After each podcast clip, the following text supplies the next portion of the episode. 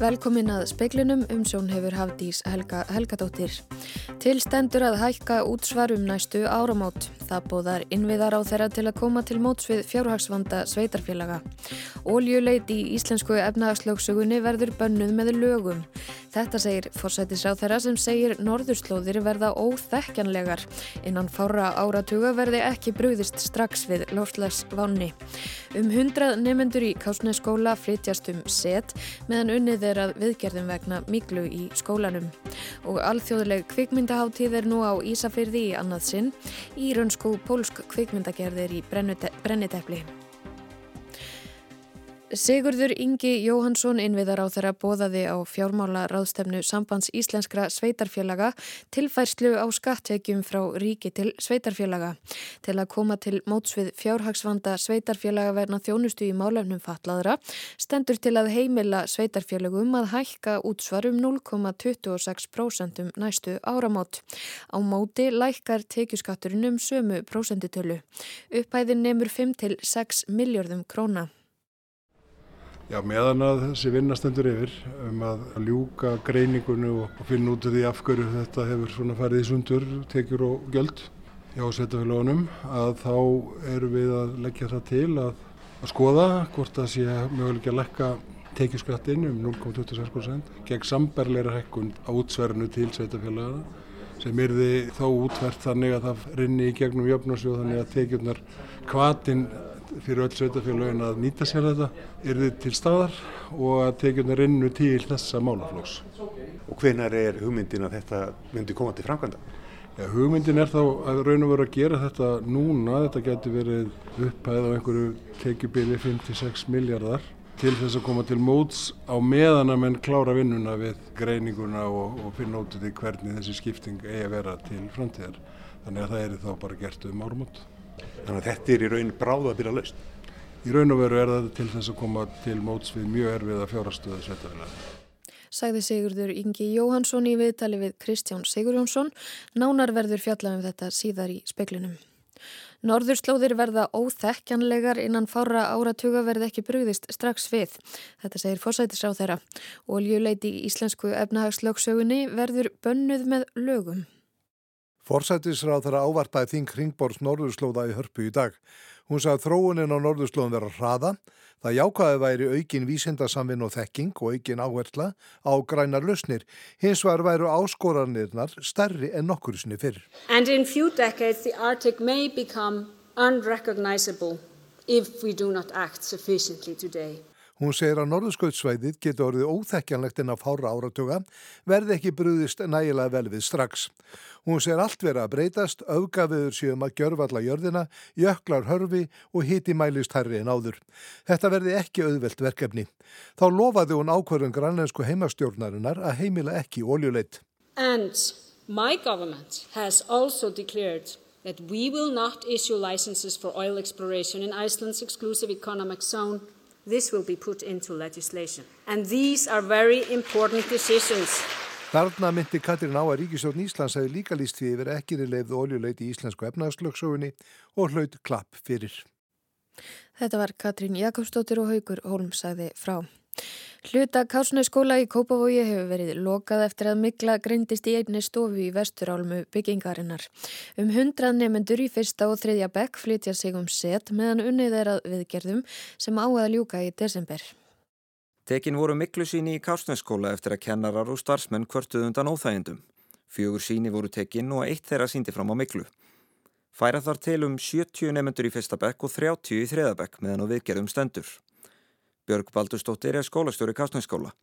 Hún segir að allir leggist á eitt við að hlýra til í starfseminni þannig ekki þurfa að flytja nefnendur um langan veg. Í Kastnæsskóla vinnur alveg ótrúlega mikið að kraftaverskar fólki sem að allir einhvern veginn leggjast á eitt og við getum nýtt hluta rými sem er í frístundinni, minnahóli. Það sem er ekki starfsemi fyrir háteg, þannig þar kennum við fyrstabæk fyrir háteg í fínum stofum þar. Nú svo rýmdu við myndmentastofuna og myndmentakennarinn ætlar að kenna myndmentin í heimastofum hjá nefndum. Mikla er kennur um Kársnæsskóla að góðu kunn. Skólinn var áður í tveimur byggingum við vallargerði og skólagerði. En árið 2017 kom upp Mikla í húsinu við skólagerði.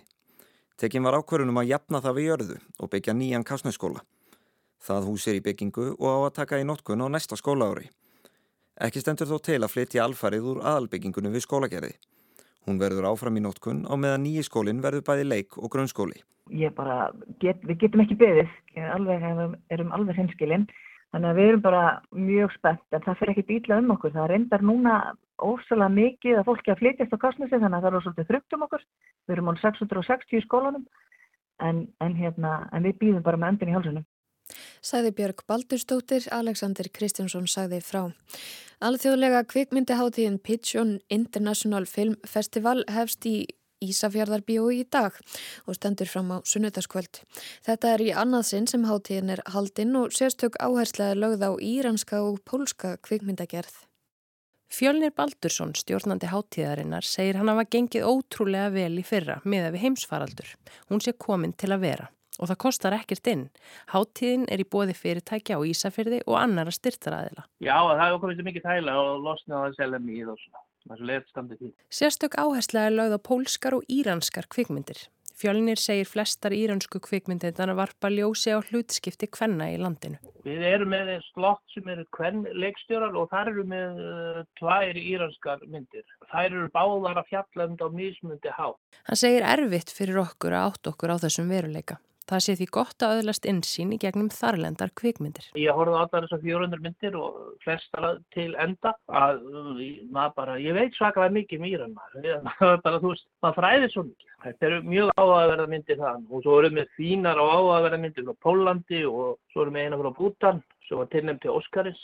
Það er opnuna myndin hjá okkur. Það er svakalega fallið mynd.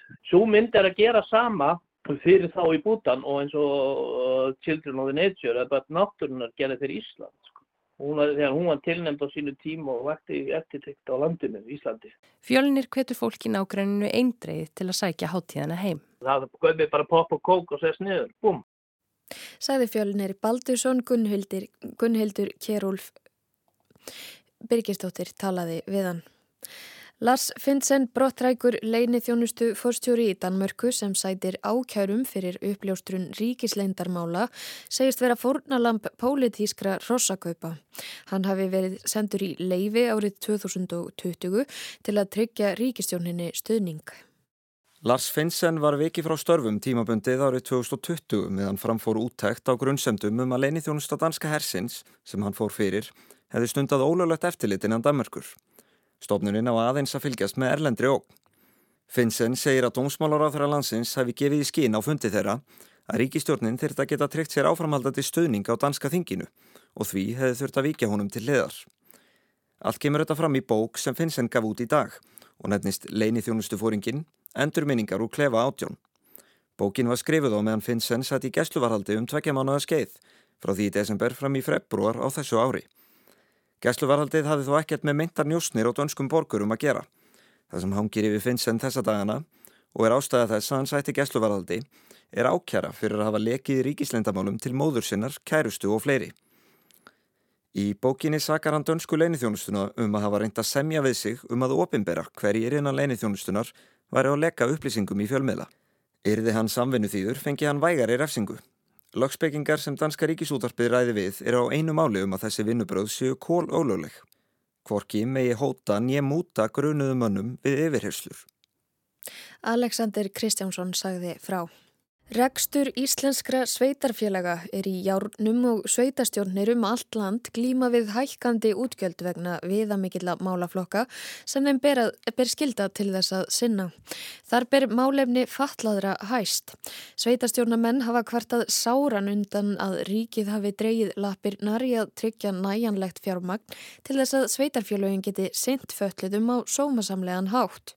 Fjármála ráðstefna Fjármálaráðstefna sambands íslenskra sveitarfélaga hóst í morgun og speillin rætti við heiðu Björgu Hilmistóttur nýkjörinn formann sambandsins.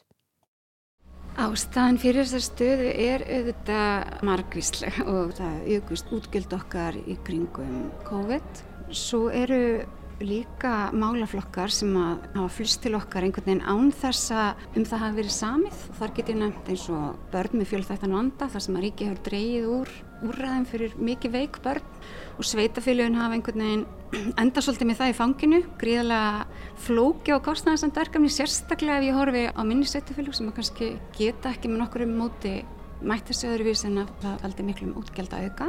Og svo er það málefni fallast fólk sem við erum alltaf að ræða og eru við þetta sá máleflokkur sem við tókum síðast yfir frá ríkinu. Það er svona okkar björgast að trú að við sinnum nærþjónustu betur heldur en ríkið. Það sé betra að nærþjónustu sé skipulögð af þeim sem eru í nálað við íbúana og núna erum við nýbúin að kjósa 470 sveitarstofnum fulltróar sem eru sannlega í nálað við íbúa landsins. Og við sitjum með það að kröfunar á okkur um þjónustu við falla fólk eru og, og blessunarlega hafa aukist. Af því að auðvitað eigum við sem Íslands samfélag að jafna stöðu fólks og við viljum að falla fólk fái sumu tækifæri og aðrir. En það kostar og það kostar meira heldur en lagt var upp með í upphæfi þegar máluflokkurinn var fariður yfir bæði var á þeim tíma voru réttindi fallast fólks minni og fjöldi fallast fólks var ekki ja, mikill og hann er núna. Og fólk lifir lengur og,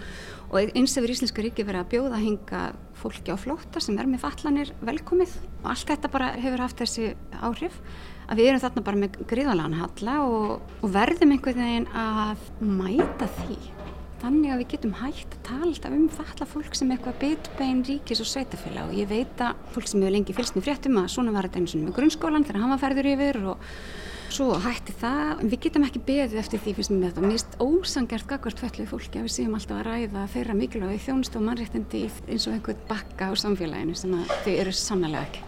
En þetta er náttúrulega lögbundin þjónusta sem að þið þurfið að veita en jáfnframt þá eru þið bundin yfir því að vera með ábyrga fjármálastefnu og fjármálastjórn. Er þið ekki þarna hreinlega í pattstöðu? Jú, við erum það í raun og veru vegna þess að réttindi fólksins eru alveg skýr og ég finn ekki neitt annað hjá sveitafélagum heldur en að það sé líka ríkur vilji og enda eru við að, já, samkvæmt gögnum sem við erum núna með, skýslum sem hafa verið teknað saman sem finnst, sem betur fyrr, aðilar vera sammálu um að sé rétt greining, að það munar þarna allavega 10 miljónum á því hvað sveitafélagin eru að verja meira fyrir í þjónustu við þannan mikilvæga hóp fólks heldur en við fáum samkvæmt þeim samningi sem við gerðum við yfirfærsluna. Þannig að sveitafélaginu eru sannlega að sína þannig að ríkan vilja til þess að þjónusta vel og fjármagna og taka þá fjármagna úr öðrum málaflokkum til þess að standa með þessari þjónustu en enga síður núna er það þannig að við erum í rauninni farin að taka fjármagna láni til þess að standa undir þessari þjónustu og það megu ekki heldur. Þannig að við erum svolítið núna stödd á þeirri augur stundu hvernig augur við að forgangsræða, við þurfum alltaf að forgangsræða lögbundum verkefnum en hverju getur við það hægt og, veist, og það er ekki margt að velja. Ég held einfallega til þess að við náum sem bestum árangur fyrir Ísland og sé bara mjög mikilvægt að við setjum stíðað með ríkinu, getur við styrt okkur tekjastofna, getur við aukið þá, er kannski eðlilegt að við fáum til dæmis hluta af fjármástekjuskatti þar sem fleiri og fleiri fá alla sína tekjur, er kannski eðlilegt að útsvarsprósentan hækki í samræmi við aukna þjónustu á vegum sveitafélagana og við bara förum vel yfir þessi mál og mér finnst þetta að standa upp okkur í pólitíkinu. Hvernig leist þér á þessa hugmynd innviðar á þeirra um að sveitafélagum veri heimilt að hækka útastpróstina um 0,26%? Tekið skast lækun á móti en að þessir peningar fari alfarið í þennan málflokk, málefni fallara. Sko mér líst vel á að það sé þessi vilji til að fjármagna þetta stóra gat og ég held að það sé gríðarlega mikilvægt. Ég veit ekki hvort ég á að gefa akkurat álit mitt á því hvort þetta er nóg. Það sem að það er leiðilegt að, að hérna, mæta hverju framlægi með gaggríni þannig. Ég fagnaði bara að þetta er til umræðu. Ég held að það sé gríðarlega mikilvægt að við gerum þetta þá bara hækkum þá útsvars hlutvallið af skatti almennings, þannig að starra hlutvall af því sem við erum að borga skattan okkar farið til þessa mikilvæga verkefnis farið þá inn í jöfnarsjóð og deilist þaðan út til þeirra sveitafélag sem sannlega eru að sinna þjónustunni. Ég fagnar þessu jákvæða skrefi og því að skinja þennan vilja ráðherrans til þess að mæta okkur aðna og mér finnst það ákveð viðkenning á því að við erum ekki að segja annað en satt síðan þurfum við bara að sittast yfir og semja um það akkurat hver prósendan er, hvernig útværslan er en þar eru við allavega full samstarfs og, og, og ríflega það. Sæði heiða Björg Hilmistóttir, Kristján Sigur Jónsson talaði við hana.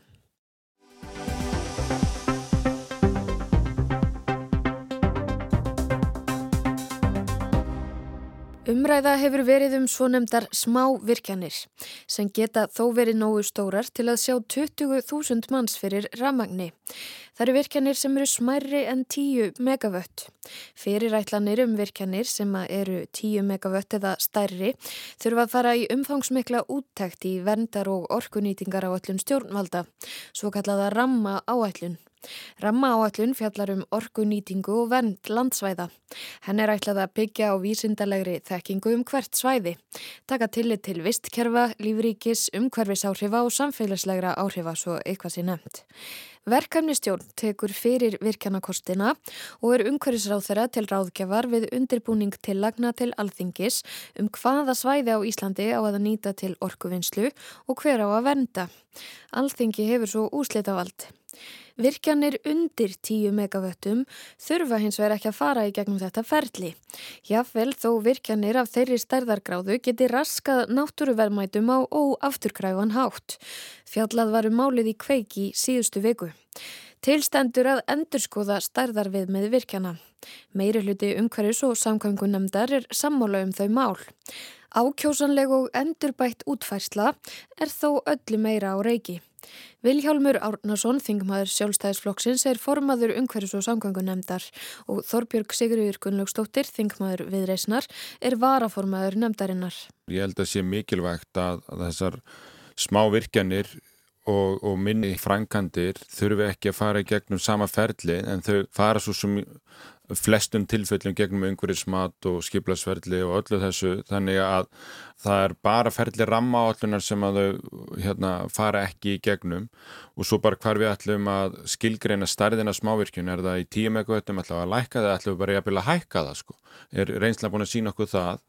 En ég held að að þarna sé nefnilega mikilvægi þess að endur skoða lögjöfunum rammaállun og einfalda ferlið og gera það skilvirkara að því að þarna er rammaáallun fann að vinna gegn sjálfum sér. Að því að það gengur ekkert að afgreðana að því að kominga virkinir út rammaállun og þá náttúrulega leitu við að öðrun leiðum.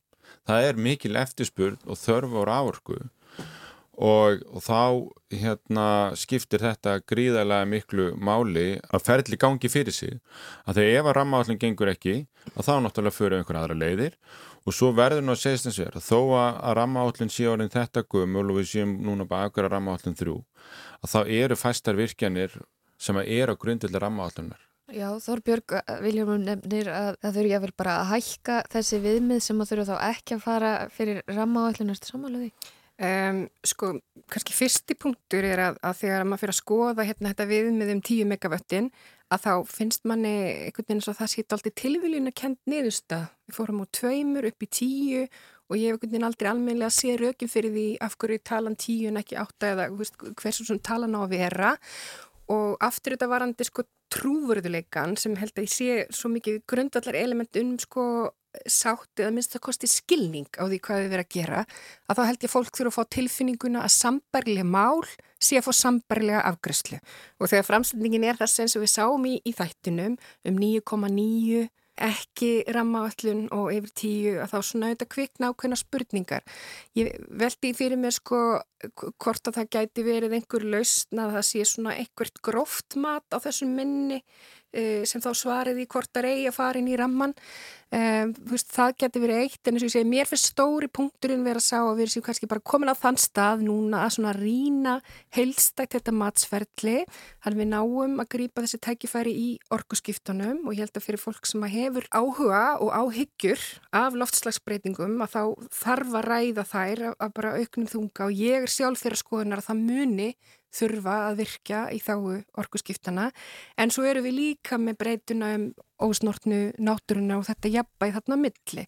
Og þá held ég að svari sér alltaf þessi faglegu vinnubröð sem að þó taka ekki heila eilíð mm. til þess að fólk sjá hvað stjórnveldur að fara en ég myndi ekki taka undir það að það ég hækka þá tölu um þær, þá kosti sem ég að fara inn í rammaallun, nei, tek ekki mm. undir það Og talandi um það þarf að ráðast í að einhvern veginn að útvega eins náttúruvæna orku og við getum það mun alltaf kosta einhvert rask en þarf ekki að hafa áhyggjur af já, hagsmunatengslum, þarf ekki að hafa áhyggjur af eftirliti með til dæmis þegar að hérna Já, þegar við ætlum að flýta fyrir, þegar við ætlum að einfalda regluverk og fleira að þeir sem að kannski, já, veiti leifi hafi beina hagsmunni á því að virka á þessum stöðum.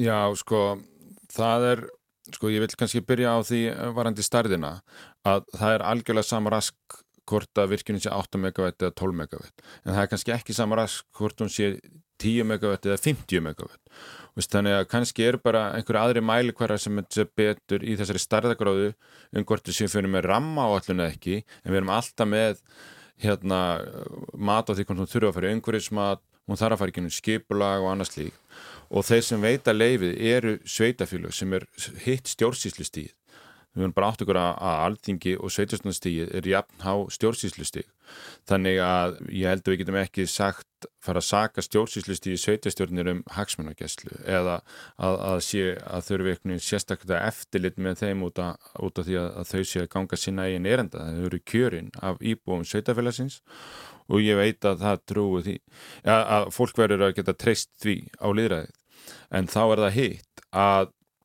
þetta er það sem við erum að sjá svona mesta þrýstingin á orkuöflun í dag í heima í héræði er einmitt frá nærsamfélaginu að samfélagin segja það og byggði landsinn þau er að kalla allra allra mest eftir aukunni orku að þau segja ef við höfum ekki orku og okkasvæði hérna þá munum við sitja eftir í atvinnusköpunni og þá verður velferðin í okkar samfélagi að sama og samfélaginu hlýðan okkur sem hefur aðgengi orku. Við, ég var í kjördamavíku síðustu vikunni og þá voruðu öll linkt orkuöflunni en þau sögðu bara skiptu öllum máli að orkan er nýtt á þeirra svæði að þau fengu ávinningin þannig að það samfélag sem að þarf að við getum sagt sem er segja þóla virkun í byggð eða þóla vindmjölur en aðri segja sem að fá þann heiður að hafa þetta hjá sér að þau þurfa að fá eitthvað afvinninga því annað en fastagnagjöldin þau þurfa að fá þá að orkan sé nýtt til atvinnu uppbyggingar og styrkingar þeirri byggð er réttlætanlegt að ég vil raska landi til frambúðar til þess að hérna búa til verðmæti sem kannski endast já, þeim sem að búa á landinu á þeirri stundu en kannski ekki, ekki mikið lengra en það eða hvað? Men til þess eru við með hérna, þessa umgjörð, ramma á ellunar og umhverfsmatið og allt þetta til þess að það fari fram með heildstætt mat á þeim hagsmunu sem að undir eru hverjar eru jákvæðar breytur og hverjar eru neikvæðar breytur og kannski varandi spurninguna sem þú beindir til Vilhjálms að þá held ég að hérna þú veist að það þurfum ekki að nálgast máli með nefnir tortrykni þar en við viljum auðvitað alltaf hafa einhverja umgjörð sem að tryggir það að það sé verið að verja almanahagsmunni uh, og, og þeir gangi framar sérhagsmunum. Mér finnst einhvern veginn sem nefndi áðan að keppi keppi hljóta vera að við náum að vinna þessi mál vel og faglega en hraðar en við gerum í dag því að hægagangurinn hefur bara valdið ákveðnum skada og svona dreyið úr trúveruleikanum að því þannig komum við aftur inn að punktunum um loftslagsbreytingarnar, eh, gaggrinni loftslagsráð og aðgerði stjórnvalda, þessi ófullnægandi, eh, þessi ómarkvissar, eh, þannig ef okkur er alvara með orguskiptunum þá þarf þetta að fara að vinnast betur að því tíminan vinum gegn okkur. Þárbjörg Sigriður Gunnlaugstóttir og Viljálmur Árnarsson, takk fyrir komuna í speilin. Takk, takk. takk.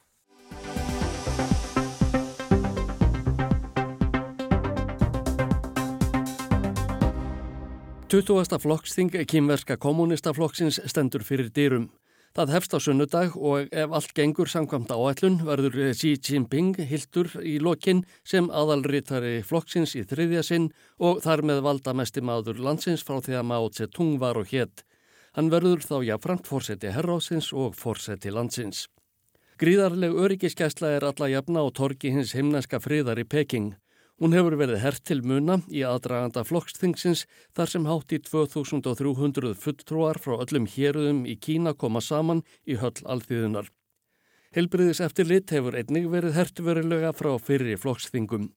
COVID-19 farsóttin vofir yfir og ráðamenn hafa í engu slakað á að halda henni frá Kína með harðri hendi allt frá því að hún blósaði upp á útmánuðum 2020. Þingið fer að mestuleiti fram fyrir luktum dyrum. Á því velja þingfulltróarnir 200 manna miðstjórn sem síðan kýst 25 manna pólítbúró eða forsætisnemnd sem Xi Jinping stýrir. AFP fréttastofan hefur eftir Jean-Philippe Bessia, sérfræðingi í málefnum Kína, að fyrir flokksþingið hafi allt starf þess verið skipulagt vandlega þar sem það geti ekki hafist fyrir en samkumlag hafi náðst um alla þætti þess. Gagrinendur Xi Jinpings segja einnig að hann hafi á undanförnum árum útilokkað alla pólitíska anstæðinga frá því að taka þátt í þinginu, engum með því að ásaka þá um spillingu. Forsetin ávarpar þingið á fyrsta degi á sunnudag. Þar fer hann yfir það sem hefur gerst frá árinu 2017 þegar hann var kjörinn leðtói landsins í annað sinn. Síðan leggur hann línurnar fyrir næstu fimm ár, hvort tvekja fyrir landið sjálft og starf kommunistaflokksins. Fyrir fimm árum hétt hann því að kymverskar áherslur eruðu hertar í þeirri sósialísku hugmyndafræði sem flokkurinn starfar eftir og að ráðamenn eruðu í meiri samskiptum við aðrar þjóðir en þánga til. Góð tengsl eh, leiða til framfara en einangurinn heldur aftur af okkur, sagði fórsetin við það tækifæri. Kína ætlar ekki að loka dýrónum fyrir umheiminum heldur verða opnari og opnari. Fimm árum síðar er staðreindin svo að forsetin og hans nánasta hyrð hafa ekki staðið við þessa yfirlýsingu. Heimsfaraldrinum er meðal annars um að kenna. Á sama tíma og flestar þjóðir heims hafa slakað á kröfum um sótvarnir vegna hans eða afnumi þær með öllu, halda kynverjar sig við núlstefnuna svo nefndu. Koronaveirunni skal haldið í skefjum með góðu eða yllu. Þetta hefur þýtt strángar ferðatakmarkanir og fjöldaskimanir. Tug miljónum hefur jafnvel verið fyrirskipað að halda sig heima, ella verðið þeim refsað. Þessar ströngur ástafanir hafa valdið kýmverjum ómældum vandræðum og jáfnframt bytnað hart á fyrirtækjum. Dreigið hefur úr hagvexti af þessum sökum og verða fastegnum lækkað. Núlstefna stjórnvalda hefur dreigið úr fjárfestingum í Kína og mætt anstöðu ungra landsmanna sem stefnan hefur bytnað harðast á, jamt efnahauslega og félagslega hefur AFP fréttastofan eftir UJ, sérfræðingi hjá Chatham House rannsóknarstofnunni í Lundunum. Jean-Philippe Bissia bætir við að margir landsmenn óttist að tímar einangrunar séu að renna upp að nýju sem þeir hafa ekki upplifað síðan sent á 8. áratug síðustu aldar. Frá síðasta flokkstingi árið 2017 hafa samskipti Kína og Bandaríkjana farið versnandi. Harnandi utan ríkistefna fórsetans hefur einnig vækið deilur. Þar á meðal á Indlandi, í Ástralíu og Kanada. Vestranríki hafa brúðist við síharnandi yfirlýsingum Peking stjórnarinnar gagvar Tævan sem hún lítur á sem sitt yfirráðasvæði og tilur sig meg að taka með valdi ef þörf krefur. Einnig hafa ráðamenn verið sakaður um viðtæk marrittundabrót sérila í vestur hluta hér að sinns Xinjiang. Þriðja kjörtjamabil sí fórsetta lofar ekki góðu fyrir mannréttindi í Kína og heiminum öllum, segir Yakyu Wang, hátsettur starfsmaður mannréttindavaktarinnar Human Rights Watch. Markáttuð vandamál blasa við kýmverjum þegar fordæmælust að þriðja kjörtjamabil sí Jinpings fórsetta er að hefjast. Hinga til hafa leðtúarnir látið sér næja að sitja í tvö kjörtemabil, það er tíu ár. Í ítarlegri umfjöllun Time, tímaritsins bandaríska um stöðumála í landinu, segir að versnandi efnahagshorfur og samskiptir áða manna við um heiminn valdi núningi meðal landsmanna. Landsframleðisland róst saman um 2,6% á öðrum ársfjörðungi. Í júli var atvinnuleysi meðal ungsfólks 20%. Fjöldi fólks getur ekki lengur staðið undir afborgunum af íbúðum sínum. Fjölmörg fjölbílishús standa auð. Ríkisfjölmiðlarnir í Kína fjalla lítuðum vandamál líðandi stundar þessa dagana. Aðteglið þeirra er á landsfundinum framundan og afreikum sem fórsetin eða leiðtói alþýðunar eins og sumerinn efna hann hefur unnið á síðasta kjörtímabili. Hann á vís fimm ári við bóta valdastóli. Sumir rekna með að hann eigi jafnvel eftir að setja þar enn lengur. Áskeir Tómasson tók saman. Þá er það veðurhorfur, hæg, austlæg eða breytileg átt og létt skíjað en dálitlar skúrir eða jél við norður og austurströndina. Norðaustan og norðan átt á morgun, víða á bylinu 8 til 13 metrar á sekundu, jél eða slittu jél á norðanverðu landinu og hiti um eða yfir frostmarki. Bjart viðri sunnanlands með hita að 6 stegum yfir daginn. En fleira er ekki í speiklinum í kvöld. Tæknimaður var Magnús Þorstein Magnússon. Veriðið sæl.